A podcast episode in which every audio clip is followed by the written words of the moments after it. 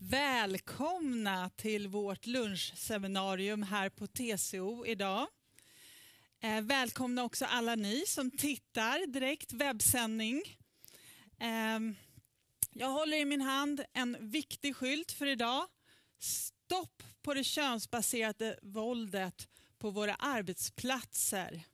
Det här är starten på en, starten på en kampanj som vi drar igång, som hela den globala fackföreningsrörelsen drar igång. De hashtaggar ni ska använda idag föreslår vi är metoo och stopp GBV at work. Ehm, jag heter Kristina Henschen och jag är chef för den svenska fackliga biståndsorganisationen Union to Union som har projekt med många svenska fack runt om i världen och med stöd av myndigheten Sida. Det här seminariet samarrangeras också av eh, TCO och NFS. Och vi kommer snart få höra ledaren för världsfacket på videolänk följt av en väldigt spännande panel från finska, norska och svenska fackföreningsrörelsen. Och om du sitter här nu och tänker att jag har massor med frågor som jag vill ställa, då sparar du dem till slutet så ska jag se till att ni kommer få ställa frågor. Ungefär en kvart på slutet har vi för frågor. Och jag tror att i stort sett varje yrkesverksam kvinna i det här rummet, kanske också varje yrkesverksam man här inne, vet precis vad den här kampanjen och uppropet metoo handlar om. Kanske har du utsatts själv. Kanske har du varit eh, utsatt för både kränkningar och repressalier. Eller kanske har du sett det i din närhet. Och i Sverige så har varje sektor med självrespekt på arbetsmarknaden nu sagt ifrån med en mängd med upprop. Ni ser några av hashtaggarna här och det upprop som vi kvinnor inom den svenska fackföreningsrörelsen har ställt oss bakom heter Inte förhandlingsbart.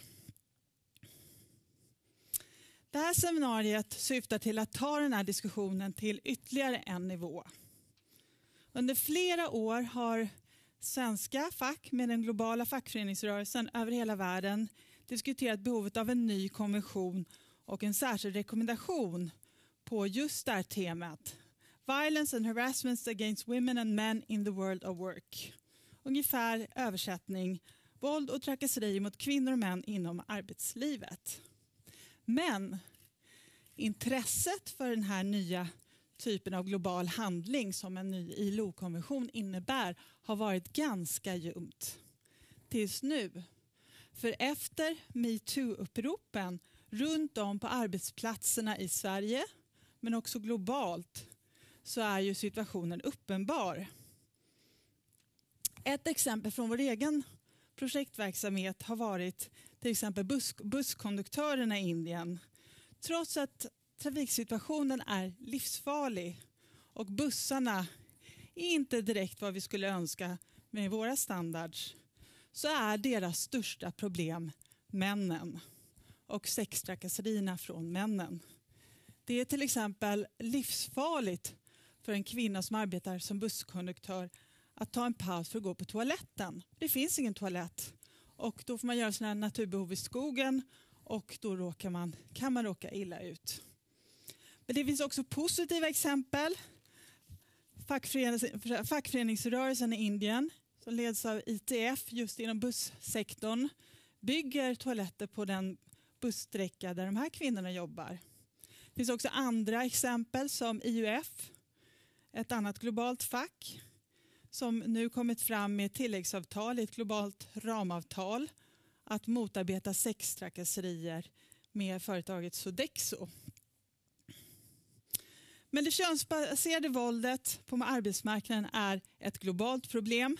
Det har pågått alldeles för länge, fått enorma konsekvenser som både är orättvisa och oekonomiska och naturligtvis helt oacceptabla.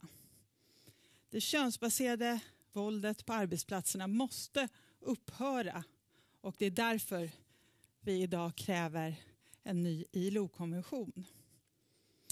Vi ska nu koppla upp ledaren för världsfacket ITUC, Sharon Burrow, och höra henne reflektera på tre frågeställningar. Hur ser hon på metoo på en personlig nivå? Hur ser hon det från en global arbetsmarknadsnivå? Och varför är en ny ILO-konvention nödvändig?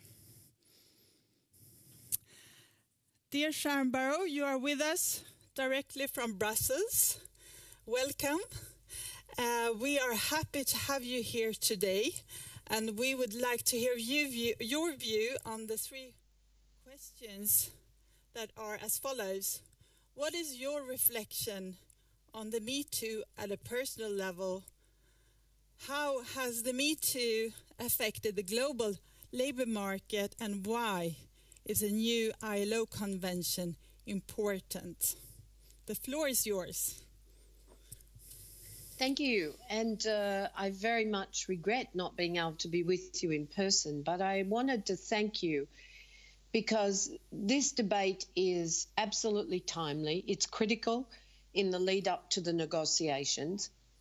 And uh, I think right at this moment, and I'll tell you a little bit about the act- activities that begin next week, that it's really important to see union forums all around the world. I uh, greet the union to union staff and, of course, the participants. I understand that uh, my deputy president, Carl Peter, is with you too. So, hello, Carl. And, uh, and Carl's a great champion, of course, of these issues, and we thank him as well as Eva and the other trade union leaders. But on a personal level, you know, it takes me really back to the 70s when I was a very young activist. You know, I was a university student, it was the third wave of feminism. We were not fighting in my country for the right to work, although that's now a big issue with us uh, today, particularly the right to decent work, but for refugees, for domestic workers, for people, uh, for migrant workers, for those trapped in uh, in low wage, insecure work, and we'll talk a little bit about that. But we put in place through the activism of the 70s the um, the rules, if you like, the uh, rules against and the compliance mechanisms against sex-based harassment, about uh, gender-based violence. We put in place the commissions, the human rights commissioners, the rule of law, and the compliance. What we didn't do on reflection is change the culture. And so when you see today that these are unresolved issues in our society, then the Me Too movement is very welcome. It's exploded a culture of silence. And, you know, we've tried to deal with these issues as unions on a case by case basis. But again, even where you do have the rule of law, where you have strong compliance, if the culture is embedded in our societies, in our workplaces, even in our parliaments, then we are not dealing with the root causes of the problem. So my personal reflection would be to say, my goodness, you know, after the, all these decades that I've seen the battles against these questions, I'm thankful to the people who've had the courage to stand up because it's exploded the myth, the culture of silence. We can never accept silence. And, it, and in the workplace, silence must never be a condition of employment. You cannot have silence as a condition of employment. And yet, it's an unwritten condition when you understand the stories of women who are too fearful to speak out. And so this has to be eliminated. I think we've also seen a, a convergence, not just of the uh, explosion of, uh, of cases, it would seem, where women feel a confidence to speak out. And if you look at some of the stories, many are contemporary, but many are actually, you know, a decade old or more. So people have lived with that fear. Women have lived with that fear of speaking out. And that has to affect the workplace. It has to affect productivity. It has to affect the relationship you have with your colleagues. And, uh, and it has to end. But we also have to face the fact that with the rise of the populist right, with the increasing authoritarianism from the strong men of politics, even in democratic countries, and the dictatorships in non democratic countries. We've seen the unleashing of a wave of misogyny that's kind of legitimated in uh, the, the behavior that we would have thought was simply unacceptable in our homes, in our workplaces, in our schools, in our daily life. So, what the Me Too movement has done is if caused us all to reflect. And I have a challenge before I go to the questions of the workforce generally. I have a, a challenge for our unions because we need to do what you're doing today. We need to actually talk about the issue. But even within our union structures, we need to make sure that our uh, our own employees feel safe, our members feel safe. And so, one of the things that I hope to do here is to actually use a code that of behavior that we would read out a simple code at the beginning of every meeting in house in our activities when we uh, you know have a chance to discuss these issues more broadly because i think we have to be leaders in behavior as well as those who demand uh, a change in behavior of others we really need to shift the culture of violence against women when you come to the workplace then I know because I walk the supply chains of our major corporations. When you see women as the dominant face of uh, low paid, insecure work, when people like Rima in the Philippines tell me that the biggest fear she has, despite the insecurity of her job, the low pay she faces, the biggest fear is that she won't be able to tell her 12 year old son whether she can be home at night to cook him a meal or even say goodnight, let alone to help him with his homework or see that he's safe, because she's frightened to say no to overtime. That's bullying and harassment in the workplace. It's systemic and it needs to be eliminated. And when you talk to corporate women, they focus, of course, and it's legitimate, on equal numbers of women in CEO positions, on boards, but on every indicator, progress for women has stagnated. And so the systemic discrimination leads us then to the culture of harassment, of not seeing women as equals, of not paying them equally, of not making sure they have equal opportunity.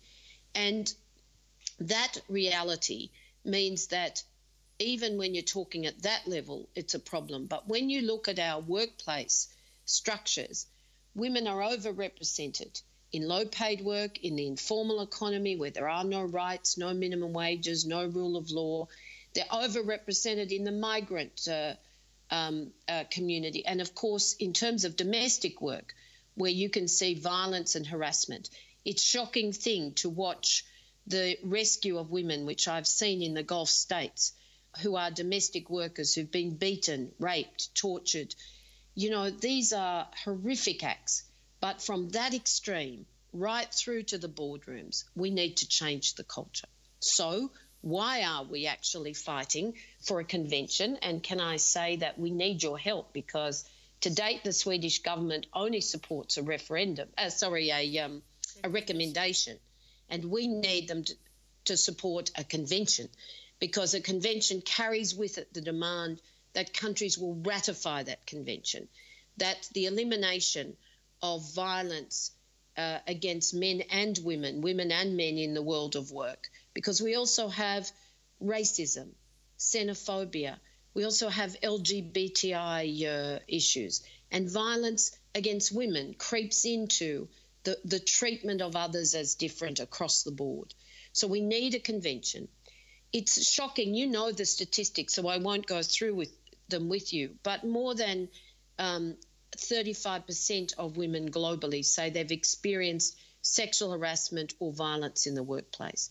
And in Europe, it's between 50 and 60%. So, you know, we are not immune in the developed countries where we have those rules I talked about. It is an issue for all of us. The convention itself, we want to see a broad definition of what it is that is uh, harassment and violence. We want to see a, a uh, respect for a, a the level of compliance. We also want to see a broad definition of the world of work, the nature of work, what it means to be a worker. Because when you think about the future, if we have to heal the fractures of a workforce in trouble globally today, then that's a big challenge. But when you're facing the transition to a climate friendly uh, environment, to uh, the future of technology, then we will see much more of the bullying you now see on social media across digital the, the employment that digital platforms offer. So we have an enormous scope of work to tackle. The convention is critical for global architecture, but that in itself won't fix the problem. We have to come back to our own capacity to use that tool to organise. So let me finally say that we want you to join us globally from next week. From the 14th of uh, February, which is Valentine's Day, but uh, we are actually joining hands with uh, the uh, V Day movement of 1 billion women rising. We want everybody next week. It's great to get flowers, to uh, perhaps receive chocolates. I hope I do, or to have a nice dinner out. But while romance is uh, absolutely important, there's nothing more important than people caring for each other. But we need to care for everybody next week. So on on Wednesday, I think it's the 14th on Wednesday, we will have a series of social media uh, statements from there through to March 8. So we take the month, but we invite everybody to think. Just as we should care for each other, just as we all want to be in a caring relationship, that we also need to take responsibility within our unions, within our workplace, within our society. And let me leave you with a practical example. Unions are making the difference. You've seen the global union federations taking on the hotel industry and getting commitments around protection for workers. We're fighting on the domestic workers front with the Domestic Workers Convention. But unions are also organising domestic worker leave. And this is good for business and good for the women who are most often victims of domestic violence. Occasionally it's men, but most often it's women. It gives them time guilt free and income so they can sort safe haven for their uh, their children and themselves and the legal environment that offers them ongoing protection. But it's proven that it shifts the discussions in the workplace and the productivity levels go up because people collectively take responsibility for safe workplaces and caring for each other. So, caring is at the centre, the rule of law is at the centre, but it comes down to us organising to stop gender based violence at work. Solidarity. Thank you, Sharon Burrow.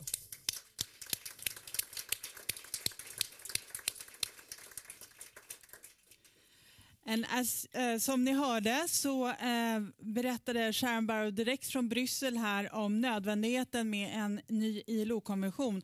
Officiellt drar eh, kampanjen igång på Valentindagen den 14 februari nästa vecka. Vi drar igång den redan idag här på svensk nivå, nordisk nivå ska jag tillägga. Och eh, naturligtvis är en ny ILO-konvention inte hela lösningen utan det är bara början på en större process. Med den här starten skulle jag vilja eh, välkomna upp vår panel för idag. Vi har med oss eh, TCOs ordförande Eva Nordmark. Vi har med oss det finska servicefacket PAM och eh, också Unis Globals eh, ordförande Ann Selin. Välkommen. Vi har med oss norska LOs viceordförande Peggy Hessen Fölsvik. Välkommen. Och eh, Juseks VD från Saco-familjen Magnus Hedberg. Jag flyttar över ett ler här. Eh, ja, er reflektion här. Ni hörde eh, vilken eh, betydelse som metoo har haft eh, personligt för eh, Sharon Burrow som är ledare för ITUC, världsfacket. Eh, Eva, vad skulle du säga? Vad har metoo betytt för dig? En kort reflektion tar vi här kort reflektion. och börjar. Eh, det har betytt att dels en väldig upprördhet, ilska, sorgsenhet över alla dessa berättelser som har liksom vält fram. Men också faktiskt väldigt mycket hoppfullhet och en känsla av att ah, men nu räcker det. Det finns en enorm kraft i metoo-rörelsen som jag känner att vi har alla möjligheter nu att ta tillvara och måste ta tillvara på bästa sätt. Nu räcker det. Ann, hur tänker du? Ja, jag lyssnade på, på Sharon och tänkte att hon sa we cannot accept silence. Eh, och eh, när vi har en sägning i, i Finland att tystnad är guld. Eh, ja, det kommer nära den här we cannot accept silence. för att det är en kulturell fråga. Och det har varit för länge i Finland, det har varit en tabu. Det har varit att vi är en smal nation och, och, och kvinnorna har inte uh, ha, haft råd att komma fram med, med, med dessa frågor. Så uh, jag tycker nog att, att uh, det är dags för att vi har en öppen diskussion, att, att, att, att vi har en, en, en sån här klimat att, att kvinnorna vågar komma ut med, med, med, med situationer var de har blivit trakasserade. Tack, Ann. Peggy? Ja, jeg tenker at det er litt sånn uh, ulike følelser som, som, dette bærer med seg. For det første så har det vært opprørende å se alle de historiene som har kommet fram uh, eh, i media på ulike måter. Men på den annen side så har det vært veldig bra å se at et, uh, en sak, en utfordring som vi har hatt på dagsorden så lenge, og som også jeg har vært opptatt av så lenge, endelig har fått utrolig oppmerksomhet, og som har gjort det så mye lettere å sette viktige spørsmål på dagsorden. Den kollektive tilnærminga som på en så god måte har løfta likestillingsspørsmålet, som har løfta trakasseringsspørsmål, og som også har gitt oss en ny giv på akkurat disse spørsmålene, som vi må klare å utnytte nå og videre. Spännande. Magnus, du är den enda mannen i panelen här. För dig personligen, vad betyder metoo? Får du prata för hela manligheten? Ja. Det blir en fantastisk utmaning. Ja, jag drabbades väldigt mycket av kraften, precis som flera har vittnat om. Det här är såklart inga nyheter, men jag drabbades oerhört av kraften. Jag tror verkligen att det finns ett före och ett efter den 15 oktober. Det är någonting fundamentalt som har förändrats. Ehm, en annan sak som ehm, jag också rent personligt kände väldigt starkt det är att jag har en son som är tio år gammal och jag funderade väldigt mycket kring vad är det för typ av värderingar som han bär med sig. Vad är det för typ av förväntningar? Eh, vad är det för typ av ehm, samhälle i förlängningen som han ska leva i och på vilket sätt kan jag och andra i hans närhet bidra till att han eh, kan växa upp och få en, en eh, värderingar som är sunda. Och det sista är ju också det här kopplat till eh, att det faktiskt handlar om strukturer. Alltså det är inte en samling individuella idioter utan det är systematiska strukturer som det handlar om. Och det drabbade mig väldigt tydligt. Mm. Metoo har ju haft en väldigt olika utveckling i Finland, Sverige och Norge. Om vi tar Finland så har det inte alls fått den här breda uppslutningen till exempel. Vad, vad, vad skulle du säga är förklaringen till det, Ann? Och, i, uh, och berätta lite, hur har metoo sett ut i Finland hittills? Ja, det har inte sett ut jättemycket alls. Um, och jag, jag, tror att det är dels en sån här kulturell fråga Eh, vi är inte vana med att komma upp eh, i publiken eh, om man, om man är misstänkt för ett straff.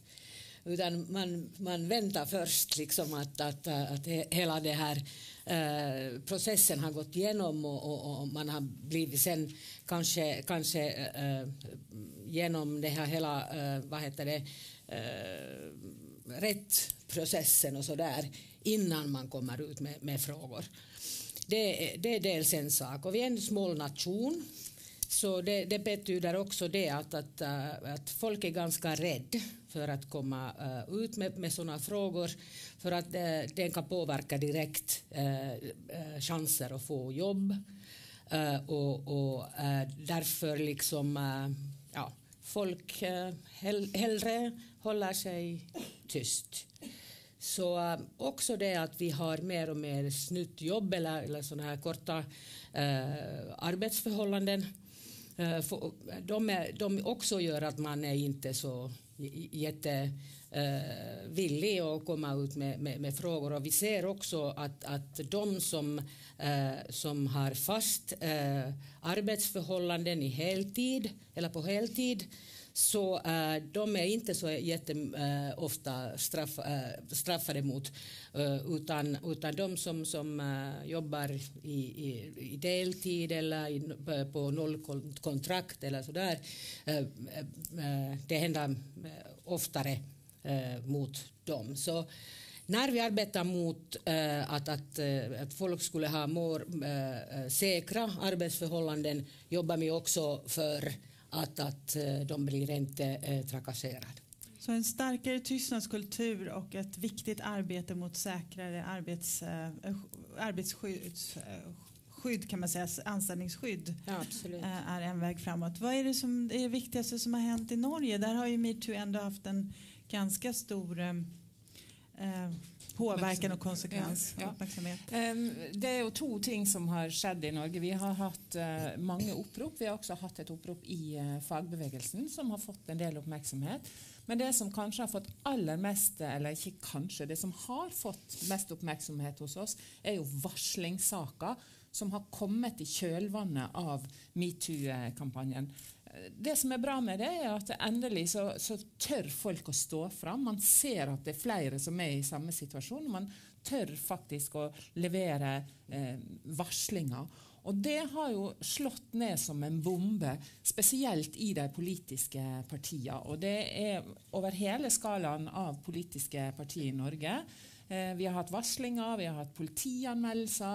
Eh, men kanske den största saken är ju fordi nestledare i Arbeiderpartiet fick varslingssaker mot sig och måtte gå av eh, som nestledare. Och den uppmärksamheten som detta har skapat har ju självklart sänt chockbölge in i det norska samfundet. Det här är väldigt intressant för det är ju inte helt okomplicerat naturligtvis mm. att man hänger ut folk och många har uppfattat sig orättvist mm. anklagade. Mm. Det ställer också viktiga frågor naturligtvis kring mm. vårt eget rättssystem och fackens roll. Mm. Eh, hur ser du på det Eva? Har vi, är det en odelad seger för fackföreningsrörelsen att vi har metoo eller kan vi vara självkritiska? Att vi inte förmått kanske ta de här frågorna på det sättet som, som alla de här arbetstagarna som har gått ut i sina viktiga upprop har förväntat sig. Mm. Jag tycker alltid att man ska vara självkritisk och fundera över har vi, hur har vi agerat? Hade vi kunnat liksom göra på något annat sätt? Eh, vi tog ju fram en skrift 2013 som heter Bryt tystnaden som Carola står och viftar med där. Ja, vi har den här. Eh, som är just en handbok för, alltså mot sexuella trakasserier i arbetslivet. Det var ju för att vi visste att det här förekom. Mm. Det är som du var inne på också att det är ju ingen ny fråga utan den har ju funnits under lång tid. Men jag måste säga att vi, vi blev ju tagna av liksom mängden berättelser. Den här, liksom, den här kraften som vi pratade om tidigare, det hade vi nog inte riktigt kunnat förutse. Och jag tror också, Sharon var inne på det, eh, just det här med policies, att, att vi också internt inom facket måste prata mycket mer om vad är okej okay och inte. Eh, samtidigt måste jag säga att jag, jag tycker någonstans att det finns ju en anständighet. Vissa saker ska man inte behöva säga ens men uppenbarligen så behöver vi påminna oss hela tiden om liksom, vad är det för typ av samtalsklimat vi har. Har vi högt i tak? Eh, ibland en kanske sexistisk jargong, ja men då måste den brytas omedelbart. Det måste vara väldigt tydligt att eh, det är inte heller tillåtet. Därför att det är inte bara rena trakasserier eller liksom övergrepp utan det här kan ju vara så att säga, en flytande eh, skala och tar man inte itu med den här typen av problematik eh, ganska tidigt så kan det ju bli allt allvarligare. Så jag har reflekterat väldigt mycket kring liksom, vad behöver vi göra?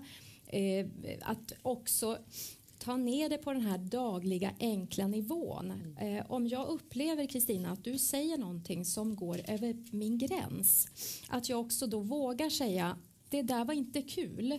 Nu tycker jag att du låter som 1900-tal eller vad man nu väljer att, att kalla det för för någonting. Men jag tror också att det är oerhört viktigt att vi allihopa använder den här kraften till att också själva agera och säga ifrån. Även när det inte är så så här, rena trakasserier eller övergrepp, för det är ju självklart, men också redan när det känns i magen att det här är inte okej. Okay. Det här är en väldigt viktig ansvar. synpunkt för det handlar också om ett eget ansvar att bryta tystnaden. Ja. Vad kan, eh, att man kan säga ifrån som arbetstagare och säga till sin chef det här är inte okej. Eh, men vad kan då eh, arbetsgivaren göra bättre för att bryta att, tystnadskulturen? Ja, arbetsgivaren har ju ytterst så har ju arbetsgivaren ett ansvar för att se till att vi har en arbetsmiljö där inga former av liksom sexuella trakasserier eller annan ja, annat dåligt beteende ska liksom finnas där.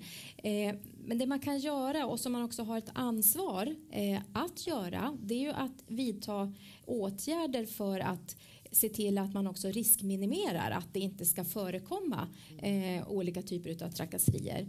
Ett sätt kan ju vara just att samla sin personal eh, med jämna, liksom vi, ja, jämna mellanrum för att just diskutera hur har vi det på vår arbetsplats? Har vi högt i tak? Eh, säger vi ifrån om vi känner att alltså man pratar värderingar och just hur vi ska eh, bete oss mot varandra. Det tror jag är såna vik väldigt viktiga åtgärder.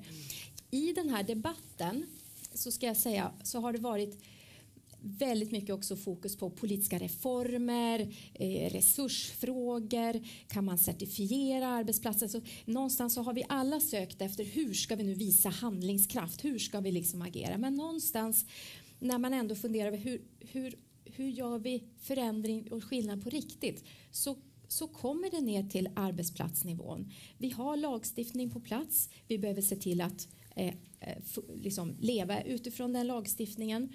Vi har ett tydligt ansvar. Vi har alla eh, ett ansvar.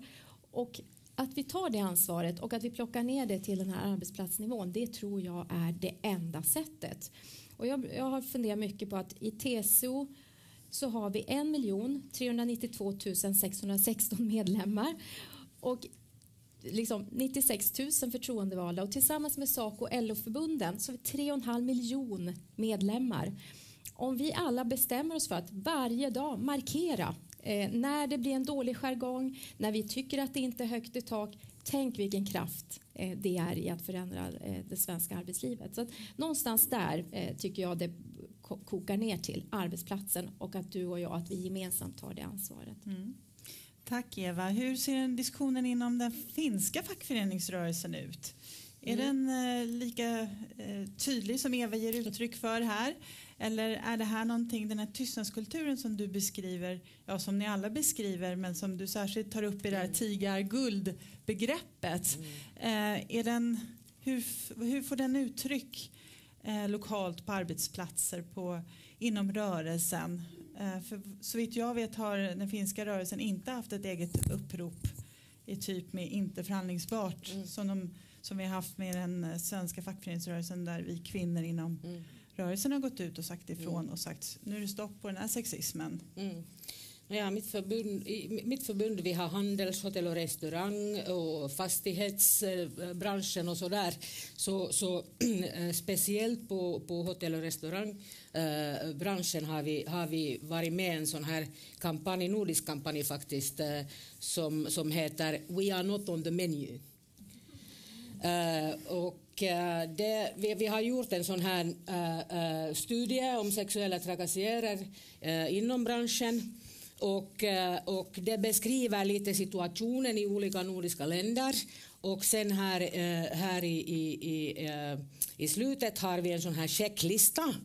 Eh, som vi tycker att kunde hjälpa arbetsplatser, eh, både förtroendevalda och, och arbetsgivare, att, att gemensamt liksom, eh, ta upp frågor, liksom vilka frågor skulle vi gå igenom, att, att, att, att få fram det här och ha spel, spelregler i, i uh, vissa eller, eller, eller förhoppningsvis i alla uh, företag. Vi, vi, har en, en finsk um, företag som, som just precis några veckor sedan har kommit upp med en, eh, en en sån här schema, skulle man säga, som som säger att vi har nolltolerans mot det här men också har en sån här whistleblower-system. Så att om du inte vågar att ta upp själv eh, frågan med din chef eller, eller någon annan så har du en viss telefonnummer. Du kan ringa upp eh, anonymt och, och, och, beskriva situationen vad, vad du har själv eh, kommit, kommit eh, fram med eller, eller om du har sett någonting som du tycker att, att uh, är inte passligt. Så har ni fått några samtal på visselblåsarfunktionen? Jag vet inte faktiskt. Jag vet inte faktiskt. Nej, jag har just precis hört uh, om, om det här och från den för, förtroendevalda som, mm. som, som är i, i, i, i det, det, det företag. Så, så vi väntar, vi väntar uh, på, på resultat. Men Ja, vi, jag tycker det, det, har varit mer liksom servicebranschen i Finland som, som har tagit upp eh, dessa frågor. Och vi har jobbat ganska mycket eh, och ganska långt inom hotell och restaurangbranschen eh, med, med, med, dessa frågor. Nu precis, vi har kollektivavtalsförhandlingar på gång och eh, i vissa eh, avtal vi har såna här rekommendationer med arbetsgivarna om hot och våld eh, på arbetsplatser.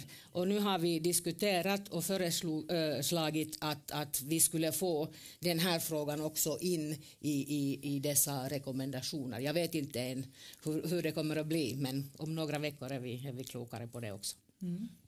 Eh, Pegge, du berättade hur eh, eh, metoo slog ner som en bomb. Vice ordförande i Arbetarpartiet fick lämna.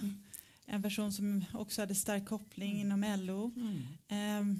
Hur har ni gått vidare från, från det här Ja, det, det, er jo som jeg sier, det her er jo ikke spørsmål som er nye for oss. Vi har jo jobba mye med det i LO og i forbundet. og På samme måte som eh, Ann beskriver, så har vi hatt eh, Eh, undersökelser i hotell och restaurang, Vi har hatt det i pleie- og omsorgssektoren.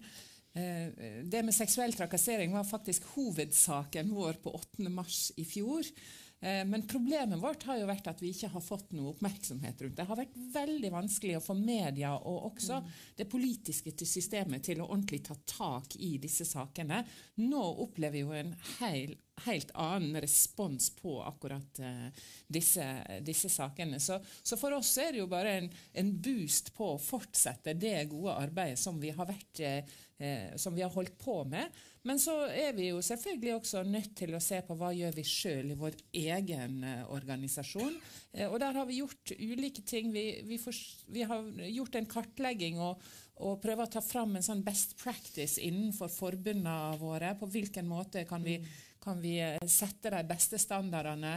Er det tiltak vi kan få på plass når vi har samlinger, når vi har konferanser, som, som, både er forebyggende, men som også gjør at folk føler seg trygge til å varsle hvis de blir eh, utsatt eh, for noen ting. Og så jobber vi også med å få til en form for kartlegging for å se hvor stort er dette problemet eh, blant tillitsvalgte og, og, i LO og forbundet. Så vi jobber på ulike måter med det her.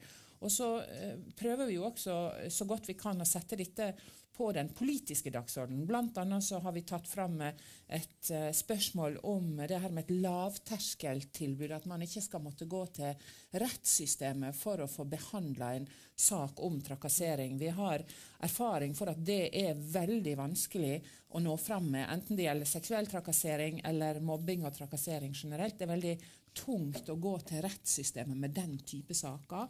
Så det å få til en slags type sånn nemndsbehandling eller lavterskeltilbud det är en av de tingene vi, har, eh, vi prövar att få genomslag för eller som vi har stöttat nu. Men hur känns det? Jag menar, ni har drivit det länge, ni har haft mm. det som tema på 8 mars mm.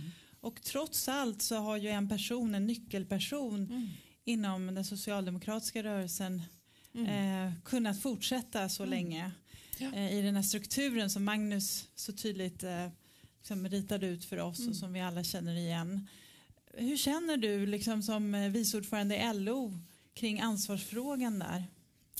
Nei, det er, jo, det er jo selvfølgelig både eh, skuffende og sjokkerende at det, at det, går an. På den annen side så, så, så, er det nesten trist å innrømme at det er ikke overraska over at disse tilfellene kommer opp også i våre miljø. Vi har sett så mange eksempel på at dette virkelig er et uh, problem, og et stort problem. at uh, at uh, Selvfølgelig blir du overraska og selvfølgelig blir du skuffa over at det er en person du kjenner til, og som du hadde kanskje tenkt bedre om. Men, men, som fenomen så er jeg ikke overraska over at det kommer også, også på det nivået.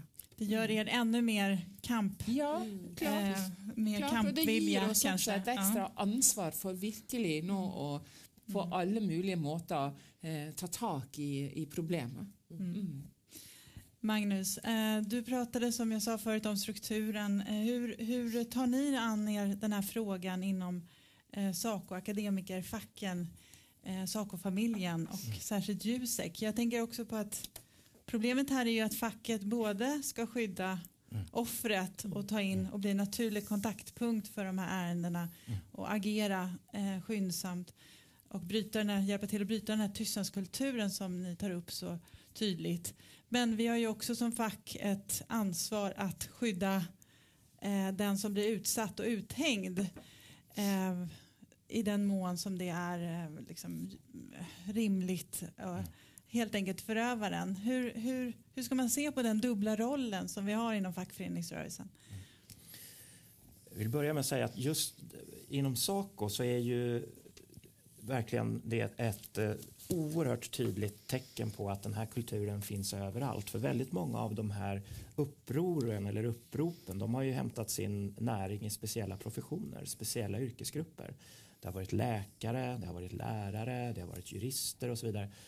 Så på så sätt så är det ju oerhört tydligt för alla oss inom Saco-familjen att det här är ingenting som man kan hänföra till att det är ett problem någon annanstans. Utan det här är ett problem överallt i hela samhället. Mm. Varenda profession som vi organiserar vittnar om problemen.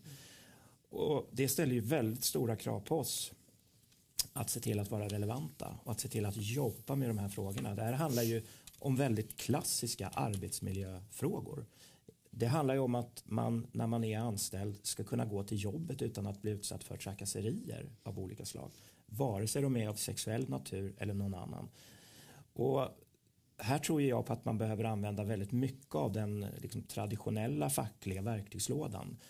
Du frågar om vad vi har eh, dragit för slutsatser och hur vi har arbetat. Det handlar väldigt mycket om det. Att se till att utrusta medlemmar med verktyg för att vara starka. Att man vet när någonting inträffar, vad man har för rättigheter, vad man kan vända sig. Eh, precis det som flera varit inne på här med konkreta checklistor. Ett stöd i givetvis vad det är som gäller rent eh, juridiskt.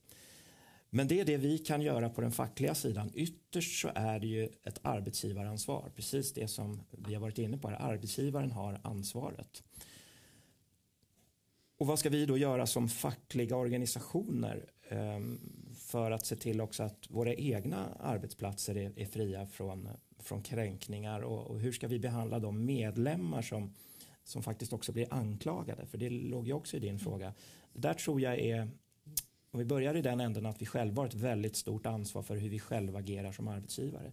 Jag vet att flera av våra förbund har ju verkligen tagit det på allvar haft egna utbildningar och verkligen daterat upp sig precis på det sättet som Eva beskriver som man har en skyldighet att göra. Så jag tycker att det har hänt väldigt mycket. Det finns många positiva exempel.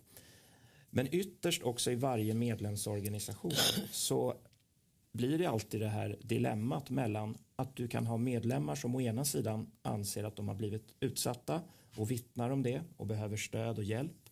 Å andra sidan kan det finnas medlemmar som också har blivit anklagade.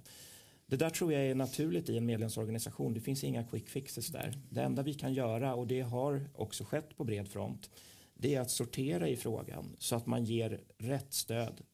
Vare sig man är utsatt, vare sig man är utpekad, vare sig man är chef för en arbetsplats där det har påtalats problem eller att man är lokalt förtroendevald. I alla de här situationerna måste vi vara relevanta, ge rätt vägledning, rätt stöd. Så vi, det är väl det vi har försökt jobba väldigt mycket med för att sortera i frågan, ge rätt stöd till rätt typ av medlemmar. Rätt stöd till rätt typ av medlemmar. Eva, du hade ett tillägg och sen Peggy. Mm. Nej, Ann. Förlåt. Nej, men jag håller verkligen med om, om Magnus beskrivning. Jag vill egentligen bara lägga till att, att i alla fall i Sverige och de diskussioner som där jag deltar så tror jag att liksom olika typer av hanteringsordningar kommer att utvecklas på olika sätt. Vi hade så sent som eh, för två veckor sedan en diskussion i vår förhandlingskommitté just kring det här att vi har arbetsgivare där eh, personer har eh, utsatt andra för sexuella trakasserier under många års tid. När det här nu kommer liksom metoo drar igång då väljer man att avskeda de här personerna liksom så. Och då blir också frågan eh, ja, men har inte arbetsgivaren ett ansvar för att säkerställa att de här männen som ju nu kommer att kliva in i andra yrkesroller kanske på andra arbetsplatser och fortsätta bete sig på det här sättet. Borde inte arbetsgivaren ändå ta ett ansvar för Alltså någonstans så får vi den här typen av diskussioner också. Det tror jag är väldigt, väldigt nyttigt och bra. För det är inte enkelt alla gånger. Eh, och jag tror också att en viktig diskussion som, som förs just nu eh, det är ju just i relation till tredje man, alltså kunder som utsätter en för, för trakasserier. Det kan vara brukare om man jobbar inom äldreomsorg eller liksom olika typer av välfärdssektorn. Eh, det är inte heller helt enkelt alla gånger, men där finns det ju mycket diskussioner nu uppfattar jag kring eh, ensamarbete till exempel. Kan vi undvika det på olika sätt? Så att jag tror att just nu så pågår det otroligt mycket eh, diskussioner kring hur hanterar vi i olika typer av uppkomna situationer? Hur lär vi oss för framtiden? Och det är någonting väldigt bra. Så att eh, jag håller verkligen med Magnus i hela den här beskrivningen. Jag tror liksom att det kommer att utvecklas ytterligare och eh, när vi ses här kanske om ett, eh, ett halvår eller ett år igen så, så kommer vi att kunna ha en massa exempel på hur vad vi lärde oss nytt och vad vi behövde hantera och som vi inte hade liksom sett innan metoo. Mm. Lär, lärandeprocess, absolut väldigt viktig aspekt av det hela. Eh, Ann? Äh, Ann. ja, tack. Uh, ja, det, var, det var kanske tio år sedan eller, eller så när vi tänkte i, i, i mitt förbund att, att vi borde ha eh, sådana spel, spel, spelregler, mm. min, mitt svenska, ehm, eh, hos oss, liksom eh, hos vår personal. Och eh, vi gjorde sådana och de har varit viktiga att ha för att det var, jag, jag tyckte det var en, en väg att visa att, att, att vi, vi, eh, vi är här med på allvar. Och, och vi tycker att, att, att vi som arbetsgivare inom facket också, också liksom visar exempel och, och, och har uh, spelregler för, för uh, oss själva. Mm. Och uh, det var sen några år efter, efter vi, har, vi, har, vi hade dessa spelregler för oss själva när det hände någonting jätte ja, sorgligt på, på, ett, eh, på eh, en, en möte, en facklig möte var eh, en förtroendevalda betett sig jätteilla mot en annan. Och sen blev det en diskussion eh, i vår styrelse att, att vi borde ha spelregler också, att, att hur vi tar hand om situationen när det gäller fackliga möten och alla andra tillfällen var vi, var vi, eh, beter, be, vi borde bete oss som människor, som man säger. Mm. Och eh, ja, då, det var en viktig diskussion. Saken saket blev fram och på det sättet tycker jag nog att, att eh, vi, vi har en um, kanske sådär starkare röst att, att uh, också uh, kräva uh, att, att arbetsgivarna tar eller, eller ja, de reagerar eller de, de före, hur säger man, förebilder mm. Också, också riktlinjer i, i, i olika företag när vi har gjort det själv. Det var nu svårt. Förlåt mig. Det var jättebra.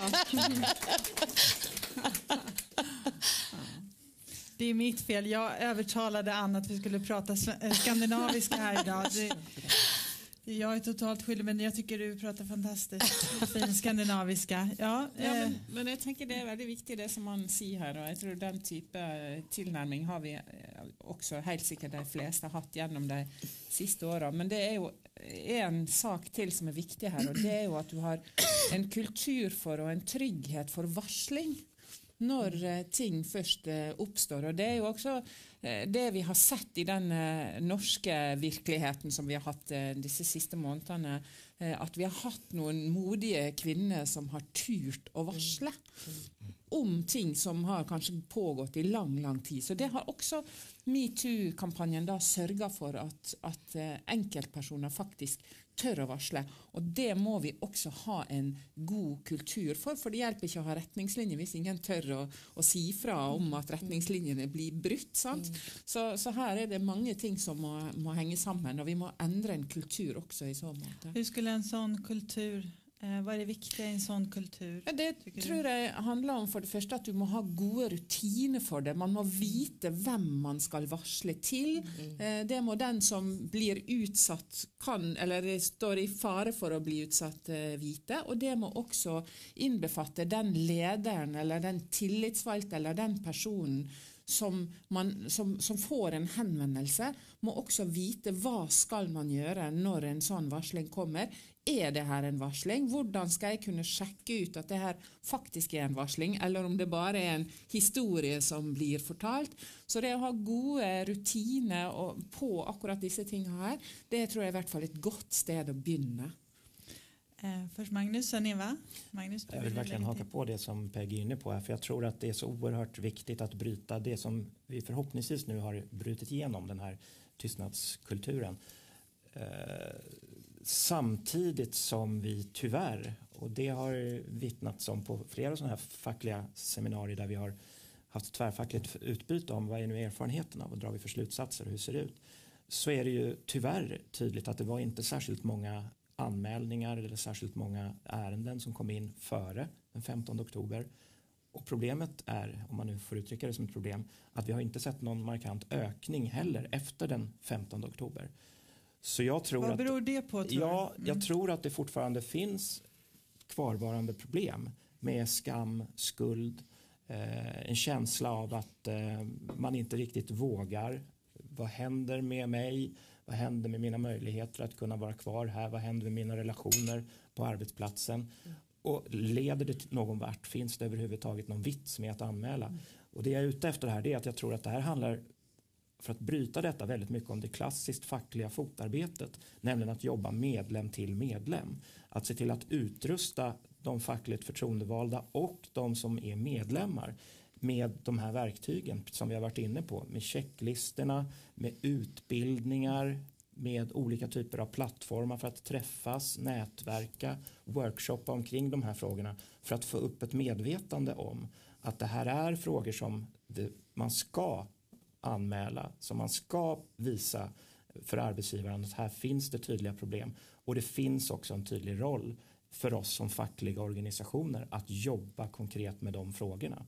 Så att ett tillbakagång till ett väldigt klassiskt fackligt fotarbete där vi verkligen utrustar medlemmar, förtroendevalda med verktyg och för ut det långt ut på arbetsplatserna. Både på de där vi har fackligt förtroendevalda och på de ställen där vi tyvärr ännu inte har det. Väldigt spännande, alltså lite back to basic för oss i facket här. Mm. En läxa att ta med oss mm. Eh, för att det inte bara ska stanna på någon sorts mediakampanjnivå. Eh, innan jag släpper in Eva vill jag bara ställa en följdfråga. Har vi då beredskapen inom de fackliga leden för att eh, möta det här? För det ställer också stora krav och det kanske är, vi kanske helt enkelt ja, är naiva som tror att allting ska ändras så snabbt. Att vi kan bryta den här tystnadskulturen så fort. Har vi beredskapen och hur ser vi till att vi har den här beredskapen för att verkligen fånga upp de här fallen och inte falla in i gamla mönster? Mm. Jag önskar att jag kan svara ja på den frågan. Jag tror det också för att det är så påtagligt åtminstone i de fackliga förbund som jag har följt i efterdyningarna att man vill och man verkligen satsar på att vara bra i de här frågorna, att jobba med dem aktivt. Så att det finns inte någon, menar jag i alla fall, risk att man försöker sopa under mattan. Sen är frågan, har vi kan vi kunskapen? Har vi liksom tillräckliga muskler och blir det bra i varje enskilt fall? Nej, det kanske vi inte har fullt ut. Men medvetandegraden är i alla fall eh, väldigt tydligt satt efter det här och jag tror att den stora, stora bekymret är nog inte att få oss i den fackliga världen att arbeta med de fall som vi får in. Den stora problemet handlar om att se till att verkligen medvetandegöra våra medlemmar som på olika sätt är utsatta, att se till att ta det vidare. Det tror jag är den stora utmaningen. Och hur gör ni det? Hur ska ni göra det bättre? Ja, det var precis lite av det jag försökte vara inne på då. Genom att arrangera, vilket vi gör, eh, på bred front inom olika förbund och även på federationsnivå, utbildningar, seminarier, eh, vi har arrangerat plattformsnätverk, vi har workshops, vi har tagit fram checklistor som jag var inne på för olika typer av situationer där du är utsatt, där du är utpekad, där du är chef, där du har ett förtroende, fackligt förtroendeuppdrag. Ehm, så så det är ett klassiskt sätt att liksom folkbilda omkring frågorna. Det tror jag är det enda vi kan göra. Men sen är nog det dystra beskedet att det kommer ju inte på en liksom, dag att vända det här. För det handlar ju om att bygga nya kulturer som vi har varit inne på. Och det gör man inte på kort sikt. Men det kräver att man mobiliserar och det kräver att man jobbar på bred front medvetet på de här sätten vi har varit inne på. Så att vi så småningom kan se en, ett resultat, en skillnad. Väldigt viktigt. Metoo är bara början Absolut. på processen. Eva? Jag vill egentligen säga det Magnus var inne på tidigare så jag kan stanna där. Jag kan bara säga att vi också uppdaterar den här. Eh, vi tar fram en ny handbok med, med liksom gällande lagstiftning och regelverk och så. så att, men det är precis som Magnus säger, det finns ett jätteengagemang i förbunden eh, med information till medlemmar, förtroendevalda, chefer. Eh, och jag tror att det är där någonstans som, som ja, det är en väldigt viktig utgångspunkt. Og så tror jeg det er viktig også å huske på at det vi egentlig ser her, hvis vi går helt til bunnen av det her, det er jo en skjev maktbalanse og det er en mangel på likestilling som, som ligger i bunnen. Eh, så, så, Derfor så blir det jo også viktig for oss å, å fortsette å jobbe med likestillingsspørsmål og, og holde eh, den fanen høyt også videre. Det fins jo stemmer, i hvert fall i Norge, ganske sterke stemmer som sier at vi trenger ikke å bry oss om likestilling mm. lenger. For vi har, vi har likestilling i Norge, og vi har likestilling i Norden. Og det mener jeg jo også at metoo-kampanjen har sett et veldig godt søkelys på at der er vi faktisk ikke kommet. Og Derfor så må vi også fortsette å jobbe med de tradisjonelle likestillingsspørsmålene. Mm. Ann, du är också ordförande för det globala eh, facket UNI. Som ni alla känner till säkert så har vi ett, ett fantastiskt globalt nätverk av fackliga organisationer som är organiserade sektorvis. Och UNI är en av de eh, globala facken. Eh, hur har 20 ni... miljoner medlemmar. Ja, det är ja. fantastiskt. Eh, mäktigt, eh, viktigt naturligtvis. Och eh, vi vill nu veta vad, hur tar ni det här till en global arbetsmarknadsnivå? Och vad, vad be, betyder metoo och vad kan man göra för, nu ställer jag massor med frågor, jag blir så engagerad mm. eh, så att inte samarbetsparter ser det här metoo som någonting som händer borta i Hollywood. Mm. Liksom. Mm. Eh, utan mm. någonting som berör varje medlem. Mm vi, vi, har också medlemmar i, i Hollywood mm. i juni. För att uh, vi arrangerar också, uh, eller organiserar också uh, filmindustrin. Så att, ja, på det sättet. på det sättet ja. Men ja, det, delvis är det vad Sharon var på med. Att, att vi, vi behöver jobba inom ILO och alla de här globala organisationer var vi kan påverka lagstiftning och alla de här globala regler och så, och så där. Men sen på grassrootsnivån så att säga. Uh, vi, vi jobbar ganska mycket i så kallad tredje världen. Uh, när vi, vi har uh, kampanjer och, och, och, och hjälper folk att organisera. Och en del av varje projekt är också det liksom att, att hur, hur kvinnorna be, bemöts och eh, de här frågor kommer jättemycket fram, till exempel vi jobbar ganska mycket nu i, i, i Centralamerika och, och Sydamerika. Och där liksom nästan i varje eh, fall, eh, en, de här frågorna är en del av, av arbetet där. Så att det kommer eh, jättesnart eh, in när vi börjar eh, eh, när vi börjar bemöta människor och, och, och, och prata om, om, eh, om, om, om eh, organiseringen så, så kommer fram ehm, de första frågor är ofta inte om lönen eller arbetstid eller såna utan det är eh, våld på arbetsplats, hur cheferna beter sig på arbetsplats, hur eh, ja, är de trygga? Eh, mm. sådana här säkerhetsfrågor i allmänhet. De, de kommer fram först och de måste också tas hand om först för att eh, innan de eh, är i, i, takt kan man inte liksom mycket starkt påverka andra ar, eller arbetsvillkor i sig. Så att man måste ha en trygg miljö på arbetsplatsen först och sen vågar man gå vidare. Så ja, mycket varje, i, i vardaglig arbete kommer det upp i hela världen. Och hur har du sett eh, den här rörelsen av metoo globalt? Är det någonting som poppar upp inom facken, eh, till exempel eh, olika länder i Afrika, inom unisektorn eller Asien? Eller mm. är det fortfarande liksom väldigt en väldigt stark tystnadskultur. Ja, det varierar jättemycket mm. som vi vet. Eh, på, på några delar av världen det, det är inte tillåtet alls att, att diskutera, äh, diskutera hela frågan. Eh, men, men när kvinnor är, är i en trygg äh, äh, eller kommer till en trygg plats var de kan prata. De talar inte om metoo förstås utan de, eh, de talar om, om själva äh, äh, saken. Så att ja, trakasseriet, äh, våld på arbetsplats, äh, det kommer, kommer upp. Inte, inte så att de, de vågar äh, publicera sina ås, åsikter eller vad har hänt, utan de, de söker efter en, en trygg plats var, var, var de, de vågar sen sen prata om, om de här sakerna. Men ja, det varierar jättemycket eh, kring, kring olika kulturer. Hur jobbar ni Eva med den här frågan globalt? Eh, TCO är naturligtvis med i ITUC mm. eh, där Sharon Burrow är generalsekreterare. Ni har också internationella solidaritetsprojekt i låg och medelinkomstländer eh, mm. runt om i världen väldigt många projekt via Union to Union och Sida finansierat och väldigt mycket globalt solidaritetsarbete det har vi inom TSO och TSO-förbunden. Det, är ju, det finns ganska många exempel på vad vi gör. Eh, så man kan säga allt, allt arbete har ju det här jämställdhetsperspektivet med sig.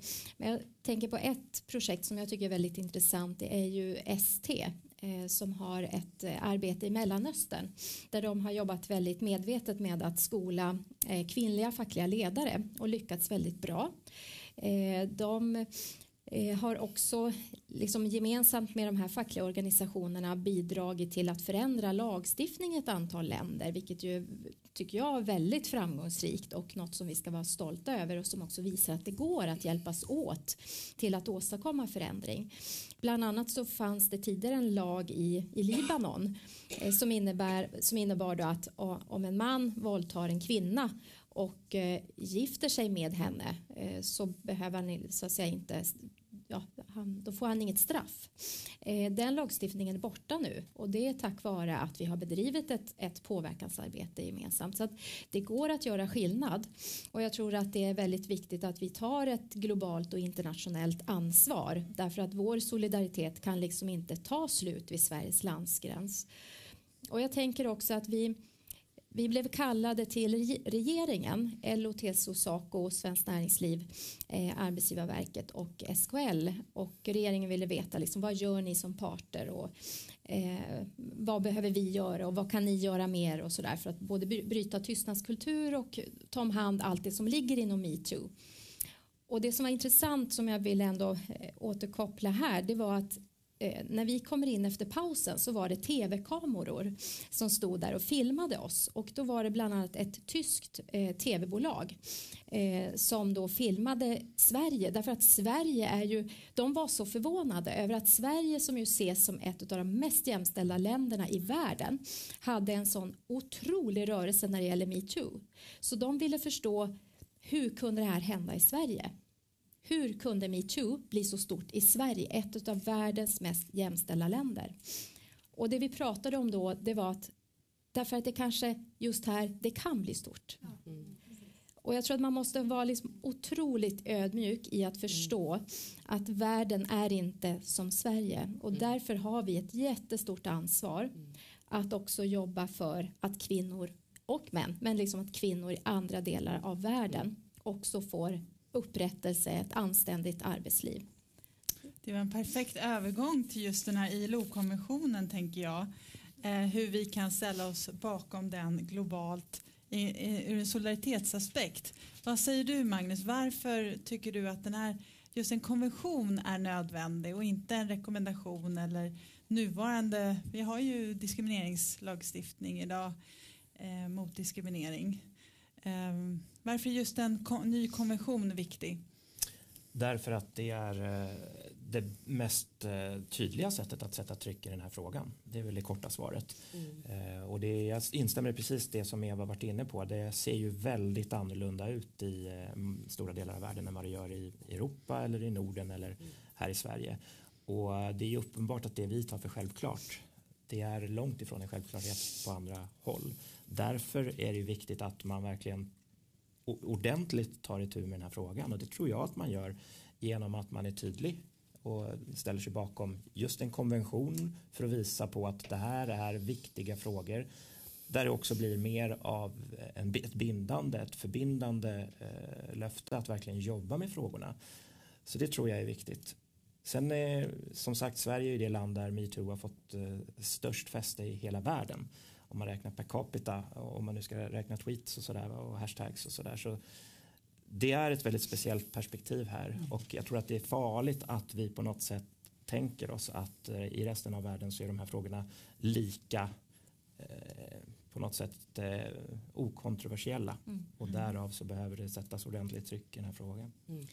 Hur eh, ställer sig alla bakom en kommission? Jag vet att fackföreningsrörelsen gör ju det men näringslivet, hur ställer sig svenskt näringsliv? Eller hur ställer sig finska eller norska näringslivet? Är man för eller emot en konvention? I Finland blev det så att, att äh, våra regering, äh, arbetsgivarorganisationer och, och äh, fackföreningsrörelsen äh, gick tillsammans i den här och, och, och, och sa att, att vi skulle vilja ha äh, konvention med och rekommendationer. Att, att, att vi behöver både. Och, och, jag hoppas att, att det, det går till slutet på, på det viset också. Att, Så man är enade i Finland? Man, man är enade i, i första steget i alla fall. Jag är lite skeptisk liksom, att hur det kommer att bli men ja, vi förhoppningsvis det blir så i, i, i slutet också. Spännande, även eh, den finska regeringen ställer sig bakom? Ja, det var en överraskning. Ja.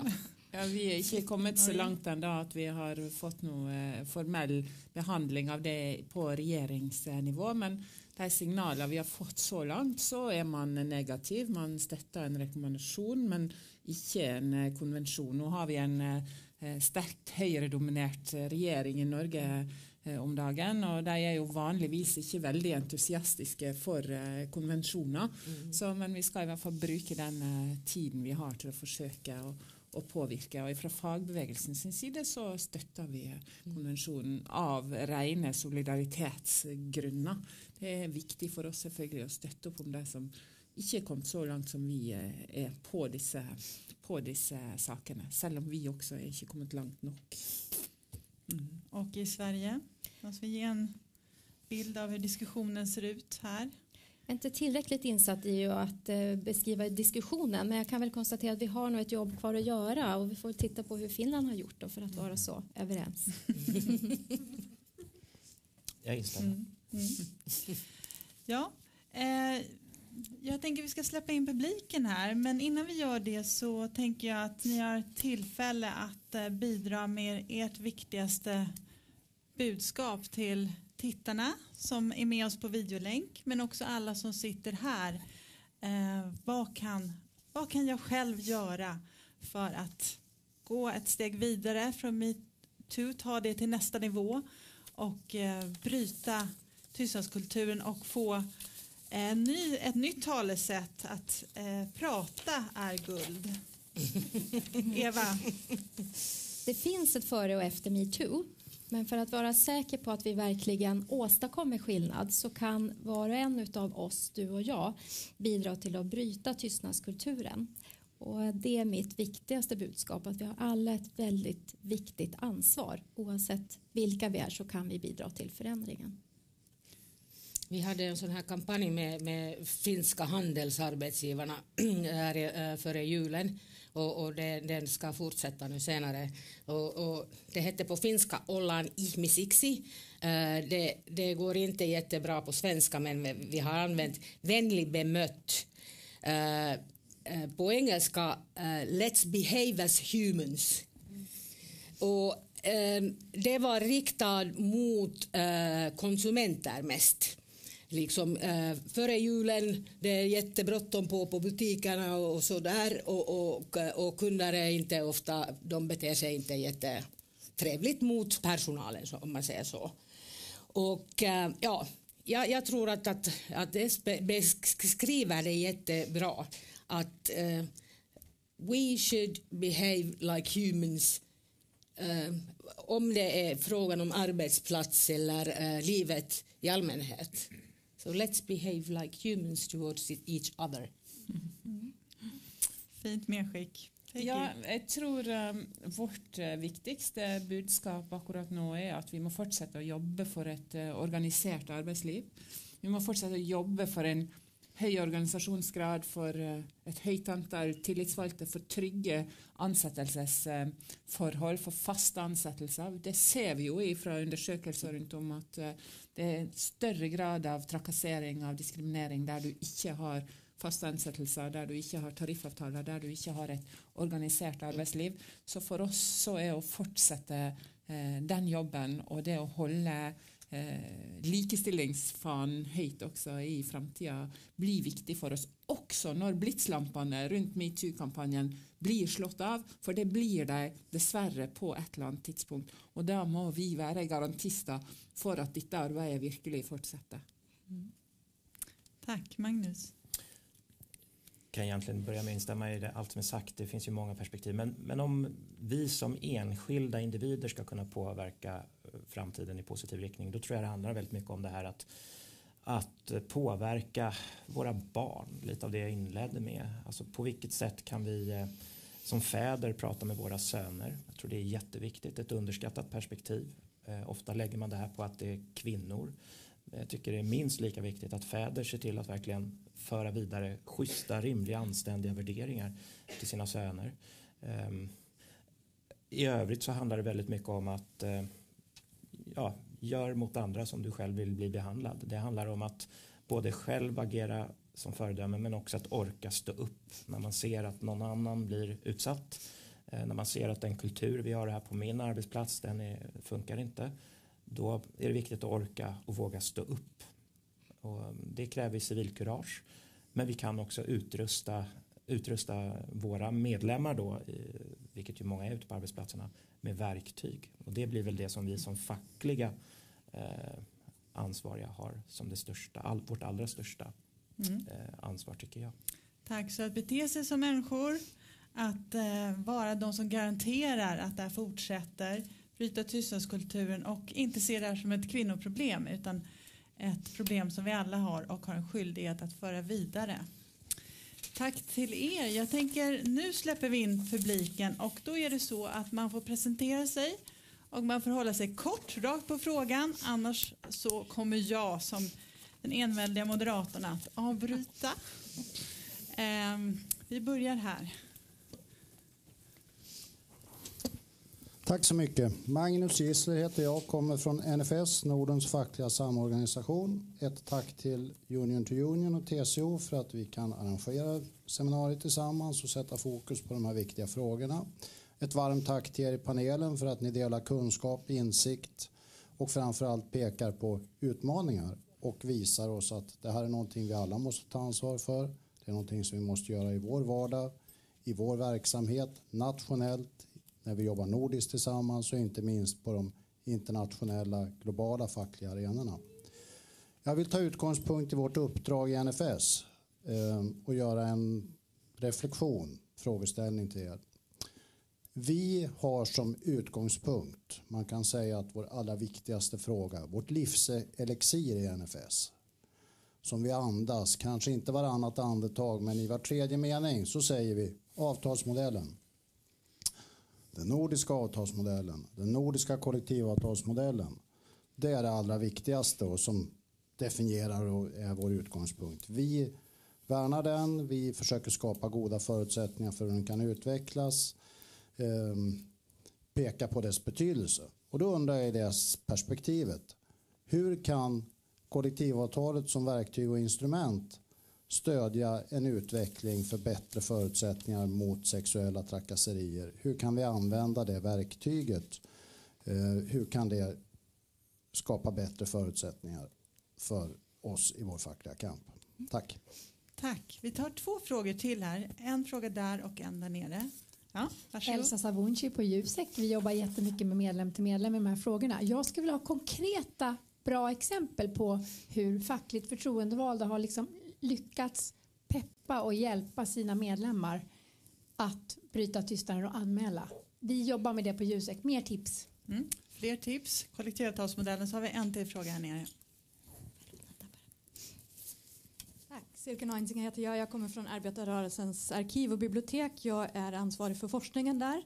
Eh, och eh, jag slås lite av den historielösheten hur ni pratar om detta.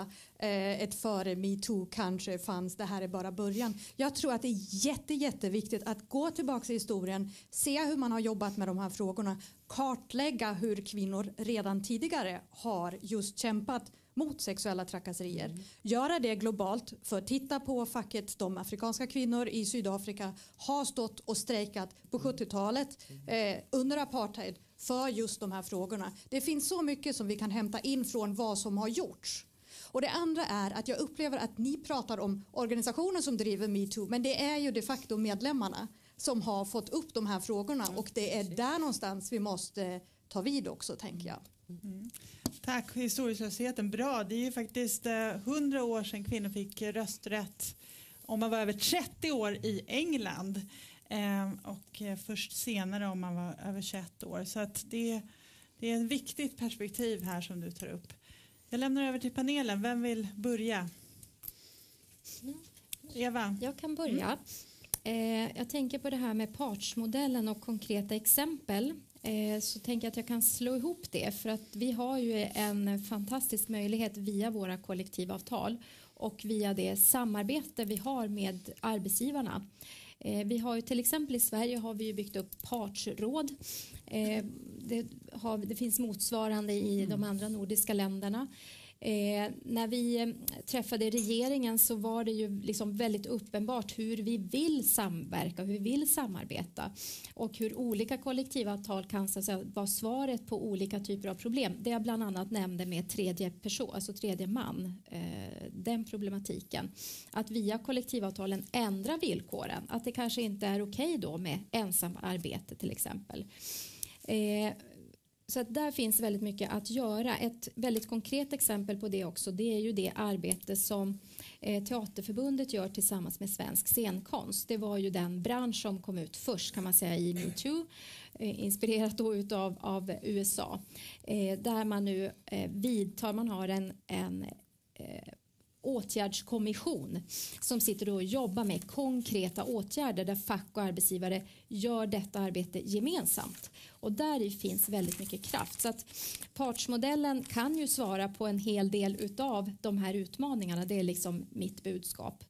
Eh, och sen kort när det gäller historien så tänker jag också att där kan säkert arbetarrörelsens arkiv hjälpa oss med att, att fördjupa den analysen och den historiebeskrivningen. Jag tycker också att det är väldigt viktigt och skulle vara superintressant om vi kunde få hjälp att identifiera det. Därför att jag tror att ska man förstå framtiden och hur vi kan agera i framtiden så är det också bra att ha med sig det historiska perspektivet för att lära både av framgångar och det som har varit våra motgångar.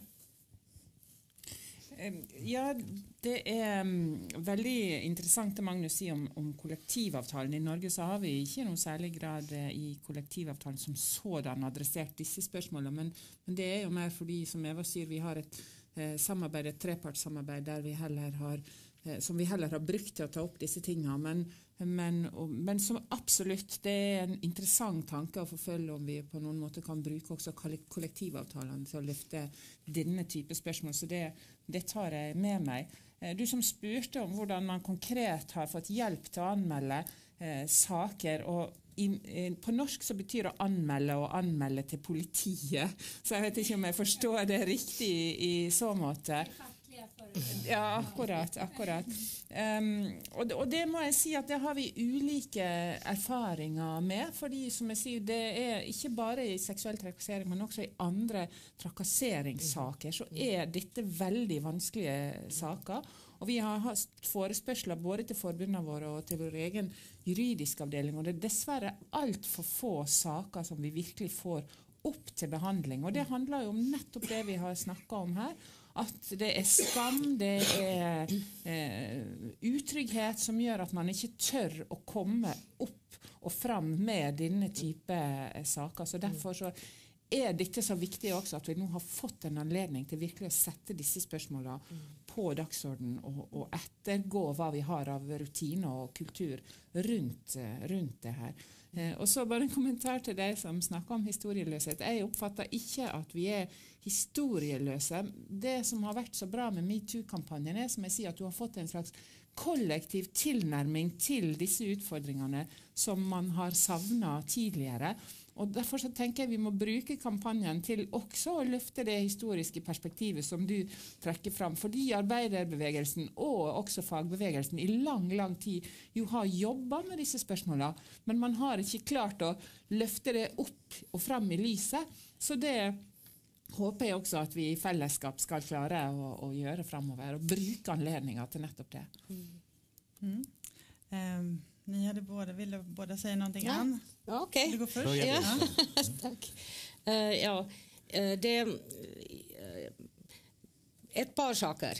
först um, Eh, det här medlem till medlem tycker jag är jätteviktigt för att eh, det är ofta så att, att man eh, vågar inte prata till, eller, eller, eller rapportera till, till arbetsgivaren.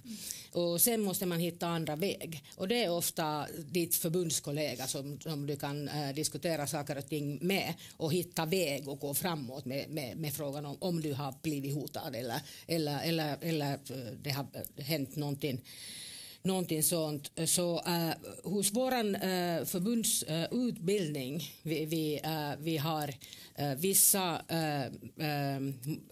vad heter de?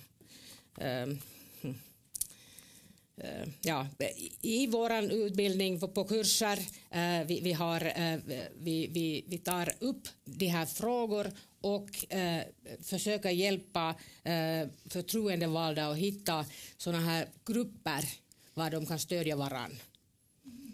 Så ja, det är en, en del av, av saken. Sen kanske nu, just nu precis eh, idag, eh, när eh, det var cirka en vecka sedan som det första kändisnamnet i Finland kom uh, ut som har trakasserat uh, kvin uh, kvinnor för, för hela sitt karriär. Och det var filmregissören Lauri Törhönen Eh, som, som var gäng, eh, länge eh, en, en professor hos Konstindustriella eh, högskolan i Finland. Och det, det, var nästan 20 kvinnor som kom fram och berättade att, att, att de hade blivit trakasserade äh, äh, från äh, Törhönen. Så eh, vi också förhandlar, PAM förhandlar eh, kollektivavtal för en del eh, av personalen som jobbar inom eh, Nationalteatern.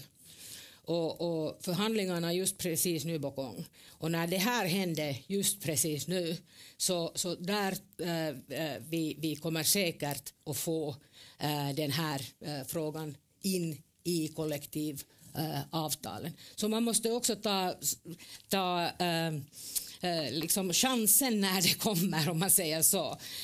Och, och här, här tror vi att, att, att vi kan gå, gå vidare just precis därför att, att det blev att tystnaden bryts. Magnus. Jättekort bara så. Den första frågan. Jag tror inte huvudproblemet är att vi behöver fler regler eller eh, lagar på plats utan huvudproblemet är nog att tillämpa det vi i Sverige brukar prata om som systematiskt arbetsmiljöarbete. Det är det som det handlar om. Att inventera vilka arbetsmiljöer som finns, hur vi ska se till att jobba med att göra dem bättre och att jobba med det här långsiktiga kulturarbetet. Det tror jag är det allra viktigaste. Vad gäller tips, konkreta åtgärder, jag tror ju mycket på det här medlem till medlem. Se till att bjuda in medlemmar aktivt själva. Vi kan inte lösa allting på förbundskanslierna. Upprop till medlemmar, kom med, var med, en plattform, eh, en workshop. Hur jobbar vi med de här frågorna praktiskt? Det vet jag att många förbund har gjort eh, och det tror jag är vägen framåt. Det, och det sista, historielösheten. Ja, jag är ju helt medveten om det vi allihop om att det här inte är något nytt fenomen men det är ändå så att den fantastiska globala kraft som vi såg, det är den som jag tycker är viktig att prata om och identifiera här. Att jag tror att fler än vi här inne verkligen har fått upp ögonen för detta och jag tror att det på allvar kommer kunna hända någonting väldigt viktigt som ett resultat av detta. Det betyder inte att det är nytt och att det inte har gjorts saker tidigare som är viktiga att belysa. Men, men jag hoppas och tror att det är något avgörande nytt som ändå har hänt i och med den här kraften. Mm.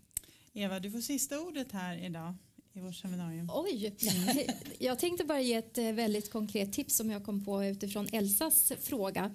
Eh, och det är också att erbjuda plattformar för det engagemang som finns bland medlemmar. Det gör ni säkert redan i Jusek. Men det som har varit häftigt att se det är ju också det här att det är väldigt mycket unga, inte minst män, som, som vill samla sig för att diskutera om mansrollen och mm. normer och hur kan vi bidra i det här arbetet. Så att allt det engagemanget som faktiskt finns, att vi tillsammans ser till att, att ta tillvara det. Jag visste inte att jag skulle avsluta, eh, men då vill jag säga så här. Tack så jättemycket alla ni som kom. Tack panelen. Tack Kristina. Eh, det finns ett före och ett efter metoo faktiskt. Vi ska se till att eh, det blir så. Eh, tillsammans så kan vi göra skillnad och jag önskar er också slutligen en jättetrevlig helg. Tack så mycket allihopa. En varm applåd till varandra tycker jag. Tack. Och glöm inte att gå ut och fota er med den här viktiga skylten här utanför. Och för att tillägga någonting. Vi står här tack vare alla våra systrar, tack vare alla våra mödrar, tack vare alla våra förfäder som har fört den här kampen till det vi har idag. Och Det är värt ett särskilt seminarium tycker jag.